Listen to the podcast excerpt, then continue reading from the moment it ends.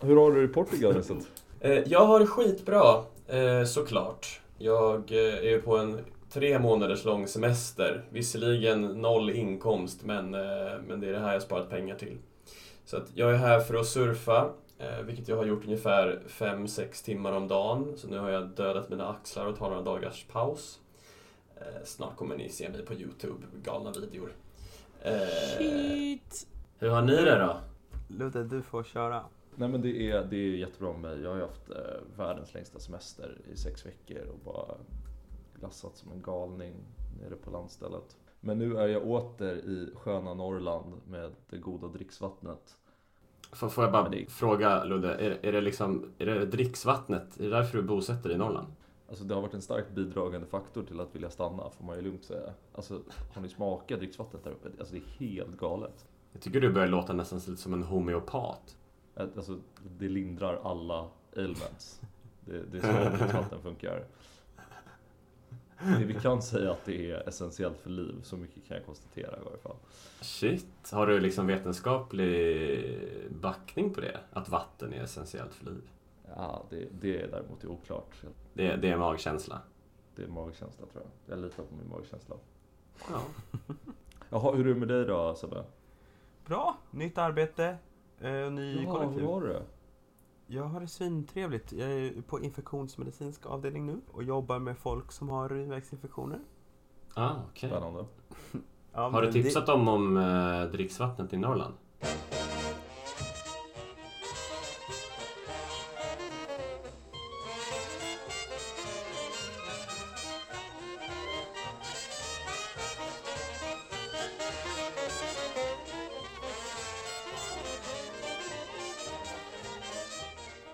Varmt välkomna kära lyssnare ska ni vara till Kort i rocken, en podcast av tre unga och ibland lite förvirrade läkare.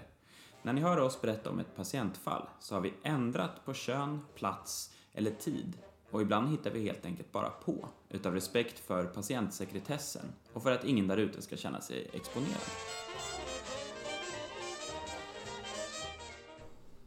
Idag ska vi alltså prata om sårbarhet. Och eh, avsnittet är uppdelat lite så att vi börjar med att prata om sårbarhet hos patienter. Eh, de har mer pratat om eh, utsatta grupper. Och sen så pratar vi efter det om lite mer sårbarhet i mötet, eh, läkar-patient-mötet bland annat. Och så är det baserat på den här boken du har läst. Och så är det baserat på den här boken ja, som heter Sårbar, det kan du själv vara. Av, eh, eh, av Mårten Soderman. Vadå, typ så här. Du kan vara sårbar. Ja. Jag tror, alltså, jag tror att den är Det lite kan så... du vara Vincent. Nej, du kan vara det Ludde. Käften mannen. Käften, jag är faktiskt inte alls sårbar. Du kan vara sårbar. Det känns som en ganska oempatisk grej att, att eh, tänka att man inte är sårbar. Ja, men jag kanske är så sårbar egentligen att jag inte vågar erkänna det.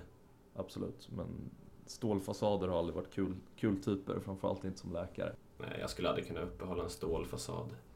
Det är väl kanske inte någon av våra, våra starka sidor. Nej, vilket är bra tror jag. Det han tänker i den här boken, Cut out the worthless conversation. Ja, Nej, spara det där alltså. Det var så jävla bra. är eh, att han pratar om sårbarhet och då tar han upp lite olika exempel. Vi kan börja redan där för att, eh, så att ni liksom är helt med på vad det är vi pratar om. Mm. det låter bra. Kan ni tänka på några grupper eller typer av patienter? Det behöver liksom inte vara socioekonomisk status utan det kan bara vara liksom en patient ni har sett på avdelningen som på något sätt är sårbar. Alla dementa patienter. Ja, jättebra exempel. Eh, blinda patienter. Ja, Patienter med språkförbristningar. mm. Barn. barn ja, absolut. Den kändes ju som att jag skulle få ta. Ja, Men det fick du inte. Eh, intellektuella funktionsnedsättningar. Ja. Gud vad det känns som att det överses mycket. Eller, alltså vad säger man? Säger man överses? Uh, förbises. Förbises. Fortsätt. Men, eh, ja, har vi några fler grupper? Ehm, alltså jag bara tänker typ så här gamla i allmänhet. Liksom att de teknologiska kraven så här sakta men säkert ökar hela tiden. Mm. Jag skulle ju säga att eh, missbrukare. Mm. Verkligen. Ja, tack. Gud, Såklart. alltså. Ja, men ja, precis. varandras yrken här. Ja, lite så. Ja, fast nu jobbar jag ju faktiskt inte där längre. Jag hade min eh, sista dag på Beroendecentrum förra tisdagen. Shit. Och det var jätteskönt att sluta där. Okej, vad, vad bra. Okej, mer patientgrupper. Eh, ja men typ schizofrena. Mm. Gud ja. Psykisk ohälsa överlag är ju, är man ju sårbar. Ja, ja precis. Alltså där kan ju motgångar som får psykiskt stabila människor att bli lite buttra kan ju liksom få enorma konsekvenser för någon som redan har eh, inte så mycket resurser liksom. Mm. Alltså, om man ska vara helt ärlig så är ju i princip alla patientkategorier på något sätt sårbara om de inte är just eh, Caucasian male, väger 70 kilo och är mellan 20 och eh, 45 års ålder. Mm. Och, har en, och har en bra socioekonomisk status. Ja, förstås. Och inte har socioekonomisk, eller bra socio- socioekonomisk status och inte missbruk och så vidare. Jo, men du har rätt, men samtidigt, jag tycker att du har rätt, men samtidigt så, um, det där blir om man bara fokuserar på um, mer så sociala, alltså diskriminationsgrunderna. Men här, man kan också gå in på lite mer så personlighetstyper som gör en sårbar. Alltså han har en jättelång Mhm. lista med olika typer här. Men till exempel så här, patienter som inte är tacksamma. Oj, Eh. vad intressant! Ja, eh, kollegor eh, från sundhets, eh, alltså från sjukvårdssystemet. Alltså, eh. är, du menar att sjukvårdspersonal som patientgrupp är Ja. extra sårbara? Ja, Oj! Typ, det var någon eh, barnmorska som hade beskrivit hur, hur det var en av deras kollegor som nästan hade eh, mist, mist livet eh, efter ett eh, kejsarsnitt för att kollegorna tänkte jo men det är hon, hon säger nog till om det är något. Ah, okej. Att man liksom, man behandlar ju, alltså att det blir liksom farligt att, att det här är, nu gör vi någonting annat, stämning. Mm, mm. När en kollega blir eh, inlagd eller sjuk. Shit. Det där har jag tänkt på vad som skulle hända, vad, hur jag skulle agera om jag själv blev liksom akut sjuk. Mm. Då skulle jag vilja bara liksom ge alla så mycket space som möjligt. Och inte säga så mycket. Mm. Eh, verkligen inte ge dem liksom någon form av liksom tips.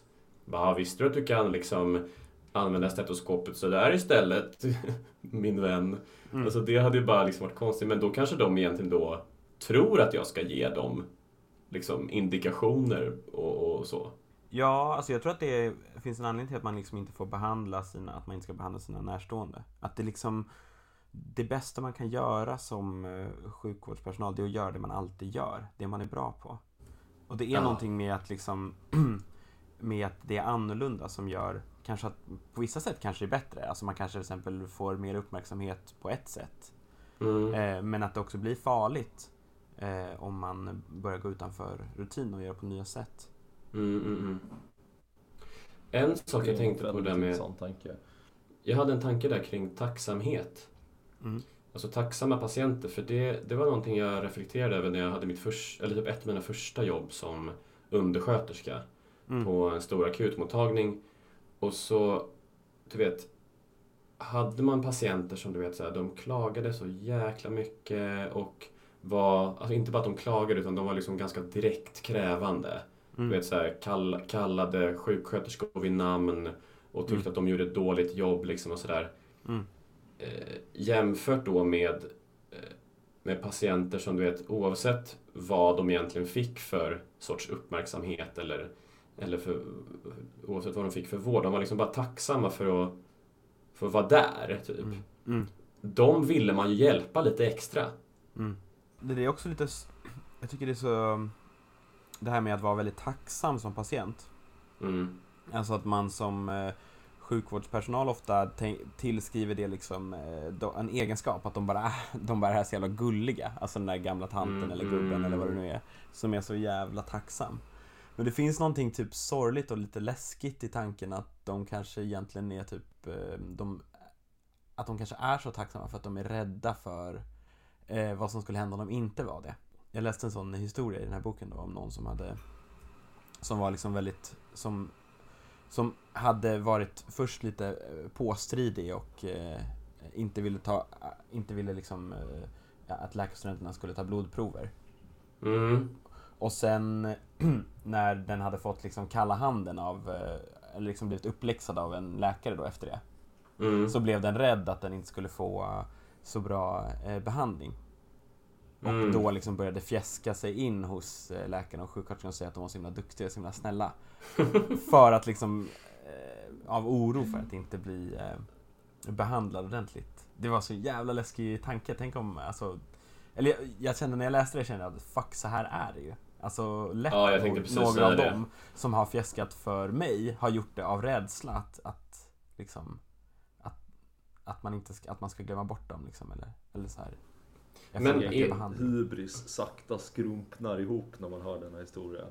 Är det inte lite så då att man, man blir lite irriterad på eh, liksom patienter som, ja, men som kanske, som, du vet, de kan vara otrevliga. Liksom. Men Eh, det, det är så jävla läskigt med den där makten ändå. Jag kan verkligen känna det. Alltså Mm. jag jobbar ju kanske mer än vad ni gör på avdelningen där folk dör hela tiden. mm, Um, och det som är så jävla läskigt med det, det är att man som läkare um, ska göra den här eh, liksom, värderingen om en patient, alltså hur långt ska vi gå med behandling? För det finns ju liksom ändå ett stopp för, alltså man kan inte lägga eh, så här 105-åriga helt liksom ehm, eh, Alltså patienter som bara, bara ligger på ett eh, vårdhem i en säng och inte kan prata. Om de blir sjuka eh, så kommer man liksom inte lägga dem i respirator för de kommer inte överleva det. Och det är liksom inte eh, Det finns ingen indikation säger man då. Men det gör ju att man hela tiden måste göra det här eh, beslutet om alltså, hur långt, hur mycket ska vi satsa? Och det, jag säger ju inte att, att det missbrukas men det bara finns extremt mycket makt i det. Och det blir väldigt obehagligt i den här diskussionen om sårbarhet, tänker jag. Det lilla jag har sett av detta i barnsjukvården är ju tacksamt nog så har vi inte så många som Nej, är så nej, dåliga att precis. de går och dör. Men däremot så är det ju väldigt, väldigt knepigt när vi har de som har sjukdomar som inte är förenliga med, med fortsatt liv så att Ja. säga. Jag hoppas och typ tror att ni eh, gör det mycket mer grund, alltså grundligt med Jag hade barn. faktiskt en sån diskussion idag med, Ja. med en patient. Men då var det ju väldigt många, eh, ja det var kurator och det var anhöriga och, Ja. och eh, flera läkare som har varit involverade. Mm, Vi patienten var också på plats. Så att Mm. säga. mm, Eh, och det, jag tror det, det är klart det är väldigt viktigt. Men det blir ju väldigt mycket tyngre för, för föräldrar Mm. att eh, få veta att, att man inte ska fortsätta med liksom alla dessa insatser för ett barn jämt emot att då kanske som barn stå och säga samma sak om sina föräldrar när de har mm, passerat ett äldre, eller ålderdomstecken så att säga. mm, mm, mm. Men det är alltså, för samtidigt så är det också hela den här, eh, alltså det här med lika behandling. Självklart ska vi, å ena sidan så är det självklart att vi ska behandla alla lika. Det är så himla grundläggande. Å andra sidan så kan man också typ, eh, det, det är också någonting, någonting finns, det finns ändå en absurd känsla i det här när det kommer in eh, en patient som har ett alkoholmissbruk eh, för liksom eh, för typ tolfte gången de senaste sex veckorna. Ehm, och har liksom inte tagit sin medicin och har liksom att och sen så vet man att, att nu, nu, nu gör vi det här en gång till och det kommer hända en gång till. Alltså att ja, självklart ska vi göra det. Det är ju liksom självklart. Men samtidigt så finns det ju en känsla av absurditet i det där. Absolut. Alltså, jag som har bara träffat sådana patienter eh, Mm. det senaste året. Jag tycker väl att jag har tagit en rätt så hälsosam approach till det genom att typ vara ganska realistisk med patienterna. Mm. För de kan i det där läget ofta säga typ saker som att ja men den här gången har jag verkligen förstått liksom. Eh, och i det tillfället när de liksom kommer där för tolfte gången så det är inte så att de sitter och ljuger. Utan i, i den stunden så är de ju helt övertygade om att det här var fan i mig sista gången jag rörde eh, vodkaflaskan. Ja. Jag, ska, jag ska aldrig peta i mig det här igen. Men sen så mår de ju bättre efter några dagar och då kommer man på andra tankar. Och jag försöker liksom Då försöker jag vara rätt realistisk och, och, och ge dem så här Ja men superbra att du kom hit eh, Men vi måste samtidigt vara beredda på liksom en, en plan B Mm. Alltså att du vill bli nykter, det är jättebra. Ehm, Men du kanske vill någonting annat om några dagar. Och då är Mm. de flesta kanske liksom så här, vissa kan, vissa eh, liksom lite förnekelse och andra kan vara liksom så här, mm, jo du, du har nog rätt liksom. Mm. Eh, Så jag ty- där tycker jag att det är fair att man ändå är realistisk med sina Mm. patienter. Mm. Vi hade till exempel en patient som eh, hade haft, som är alltså kronisk alkoholist, liksom. Mm. alltså sen typ 15-20 år eh, och blir inlagd liksom en gång i månaden typ. Men, och sen kommer in på avdelning för att den har, eh, alltså patienten har fått abstinenskramper men vi kan liksom inte, eh, eh, vi kan inte utesluta att det skulle vara eh, en, hjärninflammation, en hjärninfektion. Mhm. Så Mm. då slår man ju på stora djungeltrumman och det blir liksom alltså, enorma mängder eh, eh, resurser som läggs på att eh, högisolera, lumbalpunktera, skicka de proverna till, till Rikshospitalet och liksom eh, allt det stora. Och så, ehm, eh, och så, är det, och så, är det, så var det inte en, eh, en sån infektion utan eh, det troligtvis var det bara att patienten hade liksom haft abstinenser från sin alkohol. Och jag säger ju förstås, alltså självklart ska vi göra det här, det är ju liksom vård på, på lika villkor för alla, men det finns, det finns någonting absurt i, det finns en absurd känsla över det där. Över att så, det här händer igen och igen och igen och man, och, och man fortsätter liksom eh, eh, lägga den, eh, eh, de enorma resurserna eh, på det i förhållande till vad de pengarna annars kan göra. Men, men det där För den människan, för den per, samma person tänker jag, om den personen bara hade fått de pengarna. Ja. Jag vet, inte, jag vet inte, det blir bara så... Det kan typ... Fan vilken intressant tanke dock. Bara typ så här, okej, vad- hela den här, alla de här dygnen liksom på sjukhus och alla, alla mediciner och, och liksom personallöner kanske går på liksom så här, säg 200 000 liksom. Sen Ja, den personen hade per fått, fått inläggelse. dem liksom. Ja. Han skulle, alltså, han skulle, ju vara, han skulle ju ha varit, haft 20 miljoner by now. Eller ja, det skulle sig inte ha Men, men det här är ju en konsekvens utav att vi har väldigt mycket resurser i sjukvården. Alltså Ja. vi har resurser nog att kunna ta emot samma patient för samma sak 12 gånger och Ja. ge den liksom en dubbelbehandling. Både liksom eh, en så här worst case scenario, tänk om det är en hjärnhinneinflammation så ger vi dig massa antibiotika och, och grejer. Men vi kommer också ge dig en abstinensbehandling för att vi, vi tror också att det är det du har. Liksom. Ja, Ehm, för jag menar, tänk, tänk bara i ett typ eh, låginkomstland. Då har, du inte de, då har du inte fler alternativ för en och samma patient. Då kanske du liksom har råd att göra en grej. Tänker ja det, jag. det beror ju väldigt mycket på vad du... Alltså de flesta eh, så betalar man ju själv liksom för vården. Så då har man, Det får man, får man antingen också. som toppvård. Ja, men okej, men nu, nu, nu, nu tänker jag nog kanske nu tänker jag mer liksom de icke-privata. Alltså liksom eh, den offentliga sektorn liksom i typ Ja. Uganda, säger vi.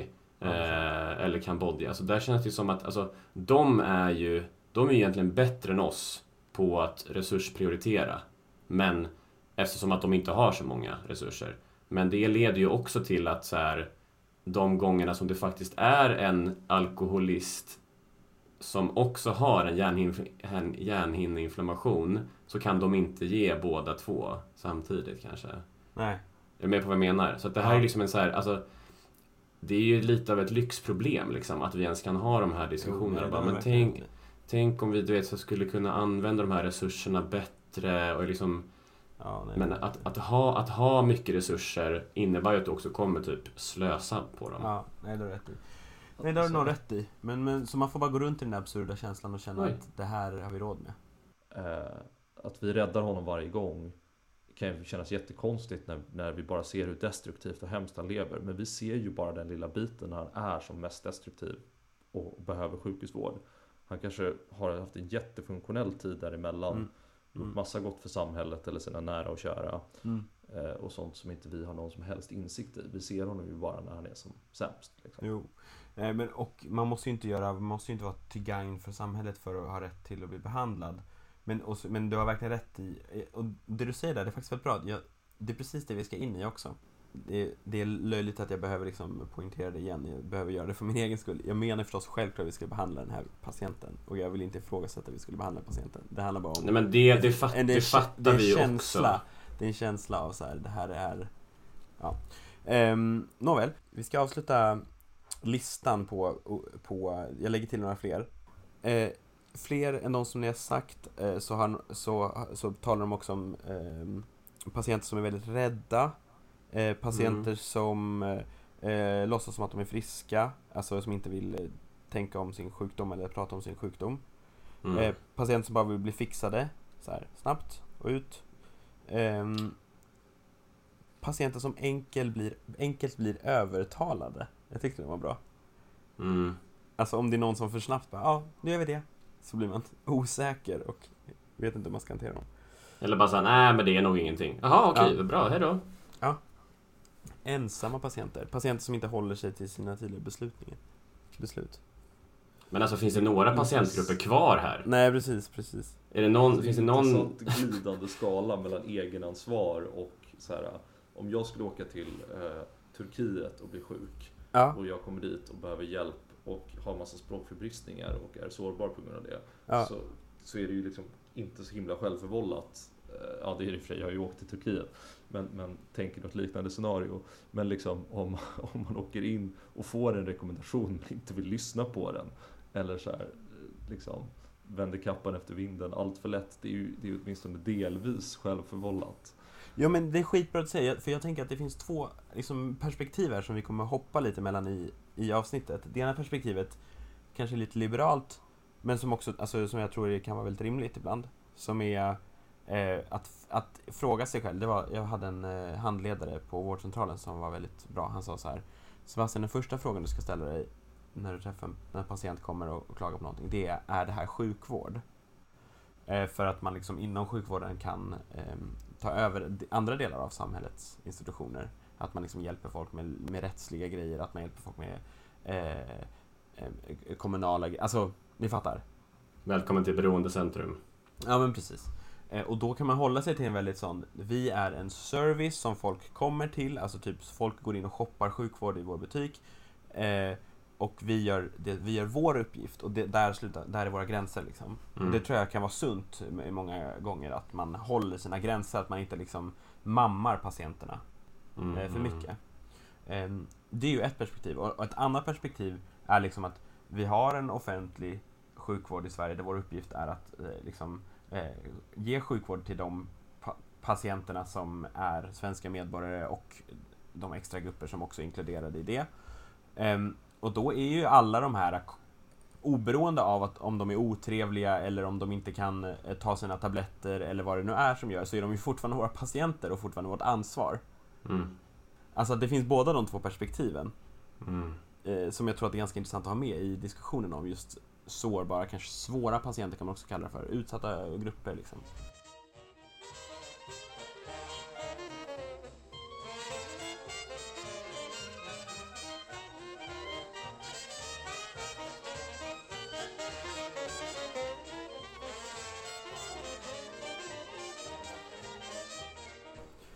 Man pratar om ehm, hur eh, olika grupper blir eh, är sårbara men också blir gjorda sårbara av systemet.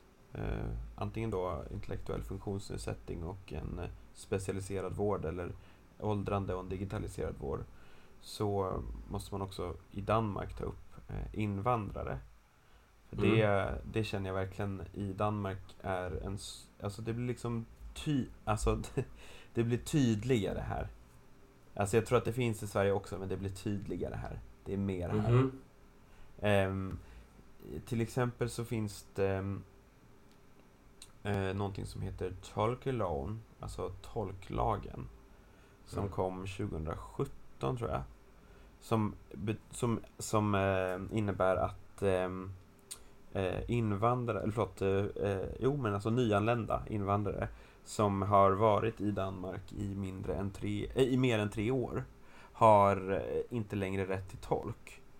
Mm. Eh, och det är ju många som inte kan eh, Oj eh, förklara sig liksom tillräckligt ehm, eh, på danska efter tre år. Alltså, Men kan du, kan du som läkare ändå välja att ringa en tolk eller? jo men då får de betala. Jaha, wow. Gud vad sjukt. Ja. Oj vad tufft. Ja, Det hade ju varit katastrof i Sverige att ha det så. ja, ja. Det vet det, jag menar det. Det är, ty, alltså det, är, det är ändå tydligare i Danmark med eh, rasism bland annat. Mm. Det är mer typ såhär, men kan inte du bli sjuk när du har lärt dig språket istället? Ja men alltså, det- alltså det, är, det är bara så sjukt att tänka på Var det liksom en mo, alltså var det här en, liksom en piska som skulle göra folk, att folk skulle träna glosor bättre? Vet de ens Vadå? om det? Till att Ja, men det är det jag menar. Och, och hur är det lönsamt för vården? För det måste ju kosta mycket mer att testa sig fram med patienter som då inte kan kommunicera på danska. Eh, än att liksom försöka gissa sig fram och behandla olika grejer och ta en massa prover och så. För att man inte får en bra historia eller berättelse från Ja. patienten. Än vad det Ja. är att bara betala för en fucking tolk. Precis, alltså precis min poäng Ludde. Det där. Alltså, jag, jag, alltså det, är, det kan inte spara pengar här. Alltså folk får liksom sämre behandling, mer ospecifik behandling. De kräver mer resurser. De blir säkert inlagda längre för att man inte vågar skicka hem dem. Alltså, jag, jag tror att det är jättedyrt för sjukvårdssystemet. Vilket absurt förtryck ändå. Alltså Ja. på något sätt. Jag står ju där, alltså här, jag skämtar inte när jag säger varje dag så försöker jag göra någon form av teckenspråk med en patient.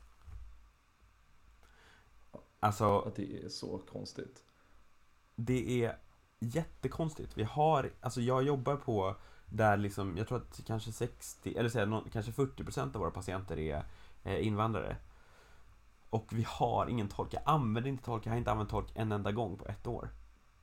Alltså det, är, det är helt galet. Alltså tänka Ja. sig det för mig som, som har, använder tolk hela tiden. Ja. Alltså sen så ska man ju inte få det att låta som att en, en, en tolk är någon slags magisk lösning heller. Nej, det finns nej, ju sant. jätte, jättebra tolkar. Men jag har ju också många gånger varit med om att jag har haft kollegor i rummet och så som, som kanske pratar språket men, men Ja. liksom inte vill agera tolk av liksom rent etiska skäl och så. Eh, och när man har haft tolk som bara så här, men vänta nu här, du, jag hör ju dig säga någonting på svenska och den här tolken säger någonting helt annat på, på språket som talas. Ja. Liksom. Eh, och, och, och så. Och det, det har ju varit ganska konstigt ibland när man har fått återberättat att organ har blivit helt andra organ. Och, ja, typ. Ah, gud, ah shit. Men alltså det är ändå, typ om vi har en kollega som pratar arabiska, då, det är ju liksom drömmen. Jag tror att det hade varit smart att, läsa språkkurser i arabiska om man ska jobba i, vården idag. Ja. Ja, men jag, menar bara typ att snacka om att göra en, en patientgrupp sårbar. Det, är ju, det här är ju nästan, det är ju liksom ett aktivt förtryck nästan. Det är ju, det är Ja. ju faktiskt en, alltså det, det är ju, det är ju inte, det är, jag kan ju inte heller se varför det är gynnsamt för någon. Nej. Fan vad jag är glad för era reaktioner, för jag, jag blir så van vid det här. Alltså jag blir ju, det är det här jag jobbar i varje dag. Så det är, så- eftersom alla danskarna bara tycker att det är normalt, så är det så jävla skönt att höra några svenskar säga att det här är så jävla sjukt. Ja, alltså, ja jag, kan, jag kan knappt ens föreställa mig hur det skulle se ut. Alltså vilka, Nej. vilket ramaskri det skulle bli om någon försökte föreslå det i Sverige. Ja. Ja, det, det är i alla fall helt absurt. Men, men där tänker jag också, just med ehm, eh, med invandrargrupper, att det inte bara handlar om ehm, språk. Eh, utan att man också liksom som eh, svensk liksom född eller dansk född då. Eh, eller liksom om man, eller man byter vara född men att man är uppvuxen i landet så har man liksom skolats i att förstå sjukvården. Det, tror jag är, är absolut så. Man förstår ju också sådana här eh, kulturella koder tänker jag. Både i kroppsspråk och, och eh, liksom läsa lite mellan raderna och sådana saker som man får av att växa upp i en kultur. Att, att man, man förstår eh, liksom, om, om något lugnande besked kanske på ett annat sätt och också om det är allvarligt. För att man kan liksom läsa mellan raderna och förstå kodex också. Liksom, ja men kroppsspråk mycket tror jag. Liksom. Ja, Eh, Och, och, och där tror jag, där, där kan ju ganska mycket gå, gå miste om det inte Ja. så. Och jag tror att det gäller ju också läkare också.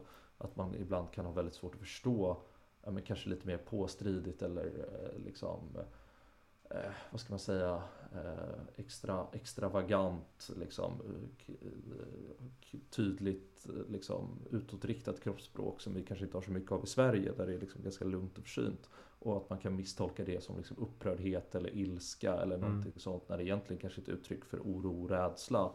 Eh, och, och, och bara då som exempel. Mm. Nu har vi pratat om eh, sårbara patienter. Både i form av som man kallar utsatta grupper. Mm, alltså, eller liksom att, att patienten liksom själv eh, har en sårbarhet inneboende hos sig. Som typ att Mm. man, eh, att man eh, ja, är svårt sjuk. Eh, Men också sårbarheter som skapas av att man inte passar in i, i mallen som systemet är byggt efter. Mm. Alltså typ eh, eh, vad heter det, eh, invandrare då eller eh, äldre. Eh, men jag tänker typ också att man kan liksom, om man vill testa den där hypotesen så kan man ställa sig frågan hur skulle vården sett ut om det var, ja men ta till exempel någon som har alkoholism Mm. och kommer in där som har pratat om i början. Mm. Om man tänker sig att eh, du eller jag, typ eh, vår mamma eller pappa hade dött i alkoholism. Mm. eh, Så kan man tänka sig att vi hade behandlat, att vi hade haft en annan ingång till hur man tar hand om patienterna. Vi hade kunnat relatera på ett annat sätt. Ja precis, det, kan, det kanske känns, känns lättare att relatera och liksom att det känns en, enklare att förstå att det här är utgångspunkten från var vi står. Mm. Alltså, det, det, det förvånar mig inte att det sker på det här sättet så att säga. Ja. Eh, och, men, att det, men att det fortfarande är självklart att den här patienten är en eh, unik, eh, viktig person alltså, i, i, alltså, i mitt liv och självklart så vill jag att den ska överleva så, alltså, och jag vill göra så mycket, alltså vi, vi ska Mm. behandla så mycket vi kan så att säga. Mm. Mm. Om man tänker sig att, att min liksom, syn på det hela hade ändrats beroende på vad jag har för relation till, till mina föräldrar eller vad mina föräldrar lider av. Så, så skulle man kunna man kan liksom fråga sig så här. Hur skulle vården sett ut om de som hade designat vården alla hade förlorat sin mamma i alkoholism? Ja. Just det. Mm. Alltså hade vården sett annorlunda ut? Hade det tagit andra beslutningar? Hade det varit andra prioriteringar? Mm. Jo, men jag, jag tänker att i alla sådana här liksom PM, och oavsett om hur, hur mycket baserat det är på forskning, liksom, så kommer det ju finnas ett ganska generöst uns av vi vet nog vad som är bäst för dig. Ja. Eh, skrivet av eh, människor som Visst, kanske några har erfarenhet av alkoholism på ett eller annat sätt, men de flesta har ju inte det. Mm. Så jag tror, inte, jag tror egentligen inte att någon del av sjukvården är baserad på något specifikt liksom, sånt fall. Att typ så här, ja, men min mamma hade, hon, hon dog liksom i bröstcancer så därför tycker jag bröstcancervården ska, gå- ska vara så här. Liksom. Mm. Om man kollar på sjukvården som den är, eller vad den kan vara, eller vad man ska säga, så är det ju bara att vi tillsammans betalar ihop pengar, eller så vi vi tillsammans liksom tar hand om varandra. Mm. Eh, Och det låter ju Mm. väldigt, eh, det låter ju väldigt banalt förstås, men det, det är bara vi som har designat ett sjukvårdssystem. Alltså att det är någonting i att, i, att, i att tänka att det är så enkelt som gör att man kan hitta det här omet, vad det skulle kunna vara. Ibland kan det vara väldigt svårt att se eh, hur sjukvårdssystemet skulle kunna vara. Alltså Mhm. man tänker att det är som det är och för det är naturligt. Men Mm. det skulle ju kunna vara designat på hur många sätt som helst. Och i, man kan ändå, jag skulle ändå vilja påstå att vårt sjukvårdssystem, både i Danmark och i Sverige, är utvecklat mycket kanske av politiker och liksom experter som tillhör en övre liksom, eh, klass i samhället och som kanske Mm. där det passar, där det är väldigt passande att, ehm, att det ska liksom strömlinjeformas, man ska kunna eh, som någon eh, beskrev det, gå in på IKEA och göra en full body scan. Ehm, eh, det är liksom eh, en modell av eh, framtidens sjukvård eller vad sjukvårdens liksom uppgift är. Som Mm. är väldigt utformad efter eh, eh, liksom ganska välfungerande, eh, ganska friska eh, patienter. Mm. Och att om, om de som utformar, de som har makt över hur sjukvården ska fungera, hade haft själva varit eh, sjuka, eh, själva hade legat där liksom, i sjukvårdssängen så hade nog det, det vi kallar framtidens sjukvård, liksom, eller hur, vad, hur, vad sjukvården ska prioritera imorgon, så hade det nog sett annorlunda ut eh, än, vad än vad de liksom, framtidsvisioner vi har och de beslut Mm. som, som utformar vården eh, är idag. Och det där är ju liksom ett subtilt sätt att skapa just de här utsatta människorna. Mm. Efter, Mm. Alltså just de här, alltså för att vi, vi har våra liksom övre medelklass intellektuella som sitter på politiska och eh, vetenskapliga positioner och som, och som tillsammans formar ut eh, hur sjukvården ska fungera. Ja. Och precis som du säger, liksom, att så här, hade de här människorna Sä, säg att liksom alla hade kommit från en lite tuffare bakgrund, liksom. Ja. Eh, hur, vad det hade gjort, liksom. Ja. Eh, med, med eh, jag vet inte, det kanske hade varit ännu mera fokus på eh, typ gemenskap och jag vet inte, typ eh, mera träd på sjukhusområdet. Ja. Ja. Så att det, jag, kan, jag kan förstå, det. eller jag antar att det är liksom bokens argument. Att, eller ett av bokens argument. Att, liksom att det, det, det, det är så här vi har skapat de här sårbara grupperna. Ja. Att, att, man, att vi har en, alltså, vi ser det från vårt perspektiv som ofta blir ganska, eh, en ganska homogen grupp som utformar eh, sjukvården. För att jag Ja. menar, typ, vi hade diskussionen innan om dödshjälp till exempel. Mm. När en, en patient gärna vill dö och är ifrån våra ögon liksom eh, döende så kan det passa, så Mm. passar liksom så passar det väldigt bra ihop. Men det, man kan ju också ha de patienterna som är extremt sjuka och extremt liksom, dåliga. Som absolut bara vill, nej men ni ska göra allt. Ni ska liksom behandla Mm. mig. Och där det kan bli sån inkongruens mellan vad, så att, att citat, Mm. vi vill och citat, patienterna vill. Och det blir väldigt tydligt att det är vi som har liksom utformat eh, ett sjukvårdssystem efter vad vi tycker. Ehm, Mm. och sen så, så kommer det någon annan som vill någonting annat och som i diskussionen om vad som är hur vården ska se ut är en likvärdig, liksom, demo, likvärdig demokratisk liksom, röst. Mm. Alltså, jag menar, i, I det individuella behandlingsbeslutet så väger ju liksom läkarens beslut tyngre men i frågan om hur ska vården se ut, vad ska vården prioritera så har ju så är det alla som medlemmar i samhället som har en Mm. demokratisk röst. Ja, det är väl det som är att, att liksom leva en demokrati.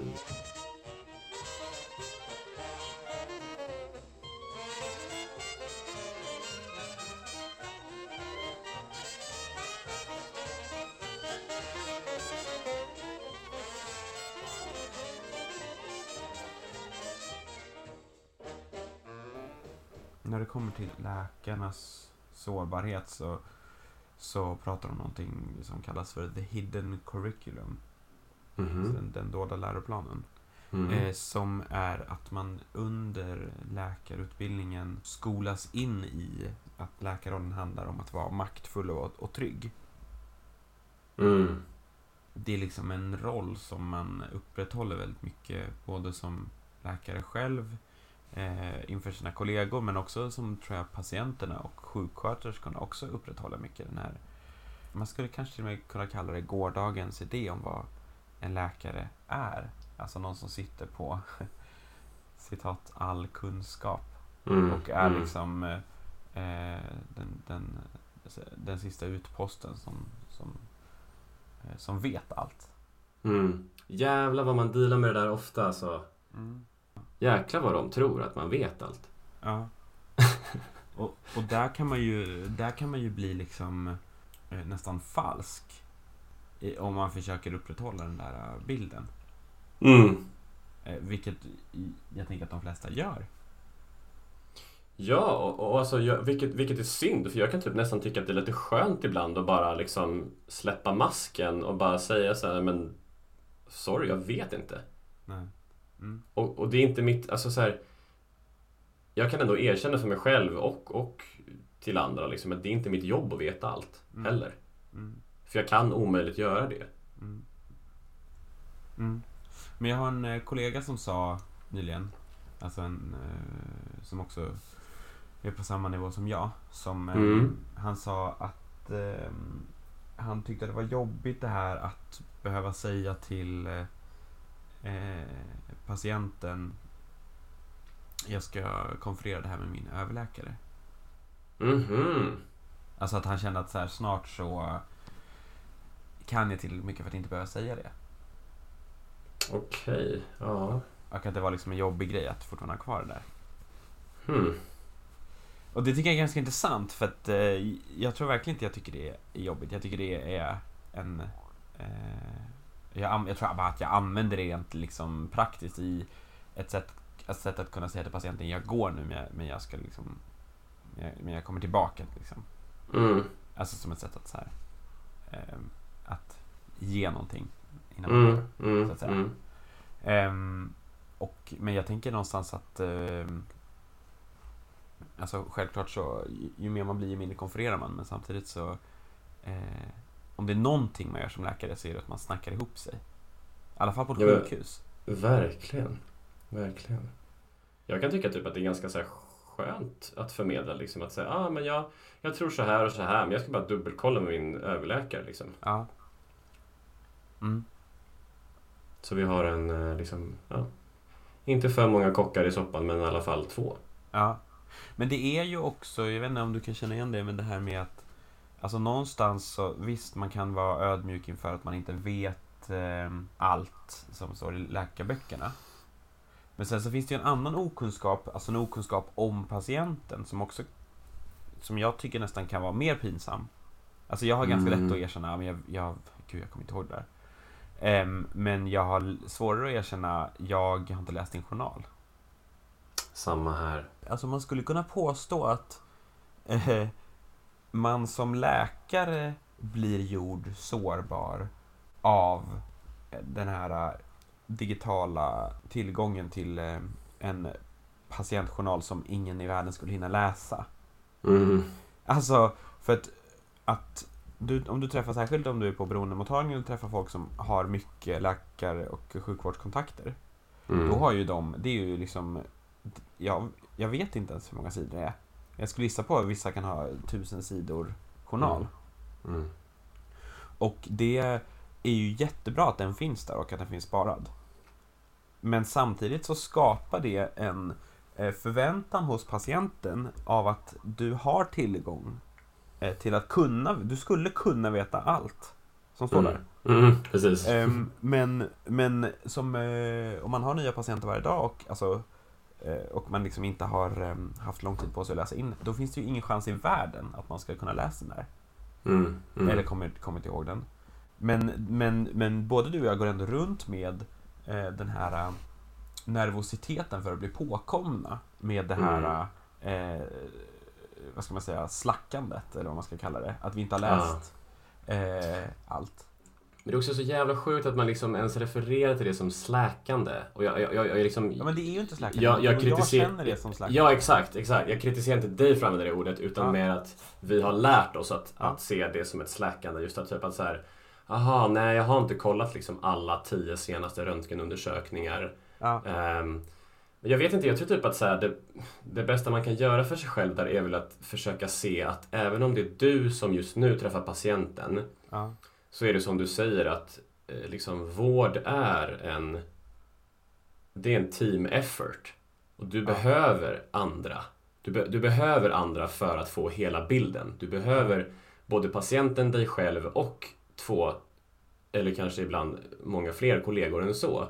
Mm. Och att om man bara kunde liksom göra sig fri från den här skammen. Ja. ja, men det är väl eh, Det är väl en jättebra poäng där man upprätthåller en bild utav en osårbar eh, liksom läkare då. Mm. Någon form av allsmäktig person. Precis. Som, som, Läkaren. ja, som ju kanske man, som man socialiseras till genom att eh, liksom, genom den utbildningen eh, Mm. eh, vi går. Men kanske också, jag tänker också typ om de, när man, när läkare blir sjuka, när läkare själva Mm. blir patienter, så Mm. blir det ett, liksom ett brott med, alltså det blir motsatt upplevelse. Som gör att, att det är så himla vanligt att, eh, att läkare skriver en bok då. Det är ganska vanligt ju. Shit vilket roligt fenomen du Ja. eh, satte fingret på där alltså. Ja. Att det är så eh, sjukt att, miss, att, att förlora sin makt, eller liksom inte makt, men förlora sin osårbarhet. Mm. Att man måste skriva en bok om det. Men det är nästan som en, det blir nästan en klyscha. Mm. Och typ såhär, jag visste inte hur patienterna hade det förrän jag själv var i deras skor. Ja. Ja. Men, och, men samtidigt så tror jag att, liksom, och det är väl där man kan prata om sårbarhet då, både som vi pratar om nu, att kunna be om ursäkt för saker. Mm. Eller alltså, inte be om ursäkt, men att, att kunna eh, kanske Erkänna. erkänna att man Mm. inte kan. Liksom. Mm. Ehm, eller vet. Eh, både på det sättet tror jag sårbarhet kan vara eh, någonting användbart. Liksom. Men, också Mm. på, men också på det här sättet att, att genom att ha, ha eh, själv en upplevelse av sårbarhet så kan man förstå eh, hur patienterna har det. Mm. Som också kan påverka hur man behandlar dem. Och det där tror jag är liksom, det där är också så, det där är, det där är lika mycket viktigt som det är färskvara. Jag Ja. tror typ att så- alltså så här, jag skulle säga liksom att nio av tio läkare har varit patienter eh, Ja. någon gång, eller kanske all, alla har väl varit patient någon gång liksom i livet. Man har haft halsfluss eller brutit ett ben eller liksom kanske varit med om, om, om värre, betydligt värre saker än så. Ja. Eh, men hur typ hur det ofta får en att tänka efter liksom att säga, ah just det, men det, fan, så där gör jag och nu, nu är jag här och, och du vet, man får mycket tankar och sen så typ Mm. en, två veckor senare så har man ju typ glömt bort hur det var igen. Mm. När man pratar om just den här sårbarheten och hur man kan, eller hur man kan använda den som läkare. Mm. Eh, han, han, han säger så här, han säger att kärnan i, i den humanistiska läkarvetenskapen är att se patientens lidande. Mm. Alltså att, ehm, att det, om man, om man pratar om eh, eh, liksom läkargärningens olika delar, i första hand trösta, i andra hand, eh, eller vad är det? I första hand trösta. Nej, andra- ibland- Nej, ja, sällan bota, ibland lindra, alltid trösta. Ja. Alltså. Precis, som är, som är läkareden som, Mm, Hippokratiska eden. ja. som man har, precis, som man har svurit sen Hippokrates. Ehm, så, så, så, så är ju själva kärnan i det, alltså kärnbudskapet är att se eh, patientens lidande. Mm. Alltså att se att här är en annat subjekt, en annan människa, en annan som jag som lider. Mm. Mm. Eh, och att för att kunna göra det så är egna erfarenheter av sårbarhet, egna erfarenheter av utsatthet och att känna igen känslan av att vara sårbar. Mm. Alltså hur det känns. Och att kunna känna Mm. igen det och att kunna se det och att kunna liksom bekräfta det. Eller liksom att säga jag, jag ser dig. Mm. Eh, att, att det, är liksom, det är steg ett Mm. som läkare. Men alltså, att ha typ en period av ångest eller nedstämdhet är typ det bästa som kan hända om du jobbar i psykiatrin. Ja, För att du liksom, du blir påmind om liksom alla de här, bara, oh shit, ja fan det är klart du känner så. mm, Eh, för det, det har jag också varit med om typ. ja, Sen, behöver det, sen är det väl kanske sällan på den nivån att man liksom behöver akut, akut vård för det liksom. Eh, Men, men det, jo, det, det, det, kan jag verkligen eh, känna igen mig i. Att ja, liksom, några dåliga dagar i rad, liksom, det, det är humbling. ja, Ödmjuk, ödmjukgörande. ja. Ödmjukgörande lotion. Det vore Ja. något. Ja, det vore något. Ja, men precis. För att, för att det är ju då, när man känner igen det hos Mm. andra, det är då man fattar varför vi gör det här. Alltså, Mm, inte mm. bara vi som så här, varför är Volvo läkare? Utan det är därför man fattar varför sjukvårdssystemet finns. Det är därför man fattar varför man räddar den här liksom, alkoholisten en gång till. Mm. För att när man känner igen lidandet och känner igen hur det Mm, känns att mm, vara där, mm. det, det är då det ger mening, eller man ska säga. Jag kommer tänka på en grej nu att så här, eh, jag, jag har liksom haft jag har haft ett fåtal patienter som jag liksom kan re- relatera till när jag jobbade på Beroendecentrum. Men i största allmänhet så har jag inte kunnat relatera till patienterna. Eh, och det känner jag har varit liksom ett hinder. Mm. Ehm, på, på många liksom plan. Du vet, så här, jag kan inte relatera till deras uppväxt, till deras liksom, nuvarande socioekonomiska, socioekonomiska status. Jag kan, inte, jag kan nästan inte alls relatera till sättet de tar beslut på. Mm. Eh, och jag vet att det, låter lite som att jag drar alla över en kam nu liksom. Och, och det gör jag väl på, på ett sätt liksom. Eh, för att må, många, många liknar varandra. I, och det är det som har liksom... Jag säger inte att det, det, det är inte deras fel. Men, men, eh, men det är liksom vissa faktorer som, som är gemensamma. Men oavsett liksom så... Det, på många sätt så har jag inte kunnat relatera. Mm. Eh, och det, det har nog gjort att jag inte, inte har känt mig liksom så motiverad att fortsätta Mm. liksom, på, på det spåret liksom, Mm. i, i framtiden. Mm. Mm. Ja, just det. Att, och att också att kunna... att även empatin liksom motiverar en själv att fortsätta och när man, när man inte... Liksom, de dagarna man inte får fram det så, så tappar man också motivationen att fortsätta sitt arbete. Mm. Ja. Mm. Och samtidigt, det sjuka är att där jag jobbade så var det också men ändå rätt många ja. som verkade helt liksom befriade från det här. Som inte alls hade något behov av att kunna relatera för att Nej. känna sig motiverade. Och då undrar jag lite så här, vad fan är du motiverad av? Ja. Det är intressant. Alltså jag måste nog säga att jag just nu i alla fall har haft en period där jag ehm, eh, har motiverats ganska mycket mer av typ det här ehm, att bli duktig själv liksom. Alltså att bli bättre. Att jag, har- Mm, det är nästan- också en nice drive alltså. Ja men liksom att jag har känt typ att jag så här, Jag har haft en period när jag är så här, liksom Professionell utveckling i all ära, alltså Det mänskliga mötet i all ära, men jag är för dålig Jag kan inte liksom Jag kan inte, jag kan inte, jag kan inte fokusera på liksom Hur jag ställer öppna frågor för att jag Måste bara lära mig basic Så har jag känt Mm, men man har ju många sådana stunder där man liksom, du vet, ska springa innan man ens kan gå. Ja. Och, men nu tror jag, nu har det gått ett år och jag har liksom gjort AT och så här, och nu känner jag plötsligt att jag, har lite mer, lite, lite mer utrymme att faktiskt börja kunna Mm. åt, det där, åt det där andra också. Åt det mellanmänskliga Fan vad mötet, nice liksom. det är alltså. Men han säger här väldigt fint då om eh, eh, läkar-patient-relationen som vi pratade om då. Mm. Att liksom hitta sin egen, att hitta, känna igen sig själv liksom. Mm. i patienten, eller i patientens känsla. Um, säger han så. Ehm, det finns en inbyggd asymmetri i läkar-patientförhållandet som är svårt att komma omkring.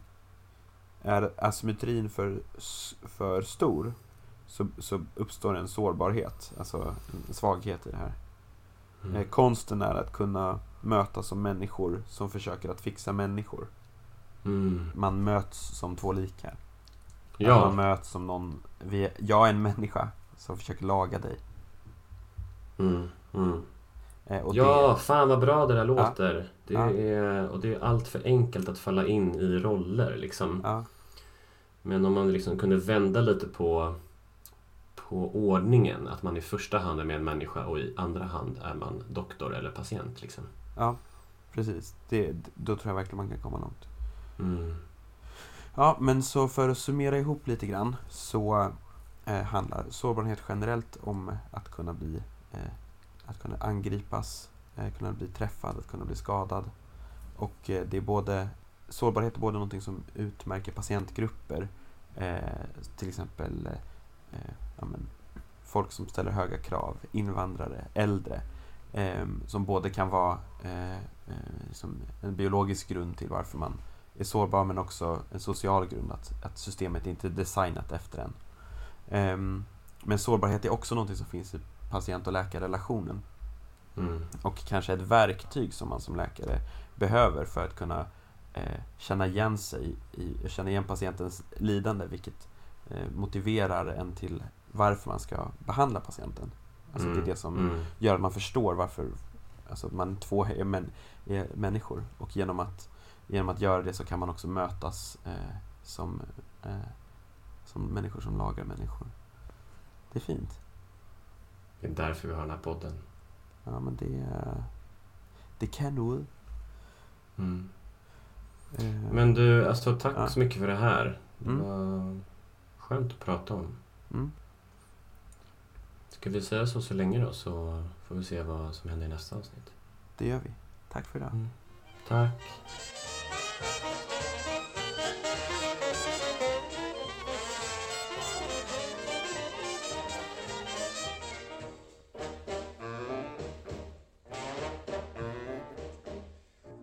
Business got so good with him, he rode home to say, Send Pasquale, Nick, and Jim, I need help right away. When he got them in the store, there was fun, you bet. Someone asked for bananas, and then the whole quartet. Oh, yes, we have no bananas We have no bananas today. And the carrots and celery and olives.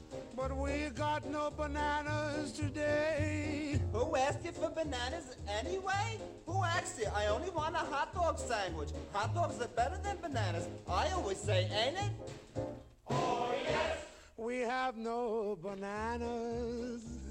We have no bananas.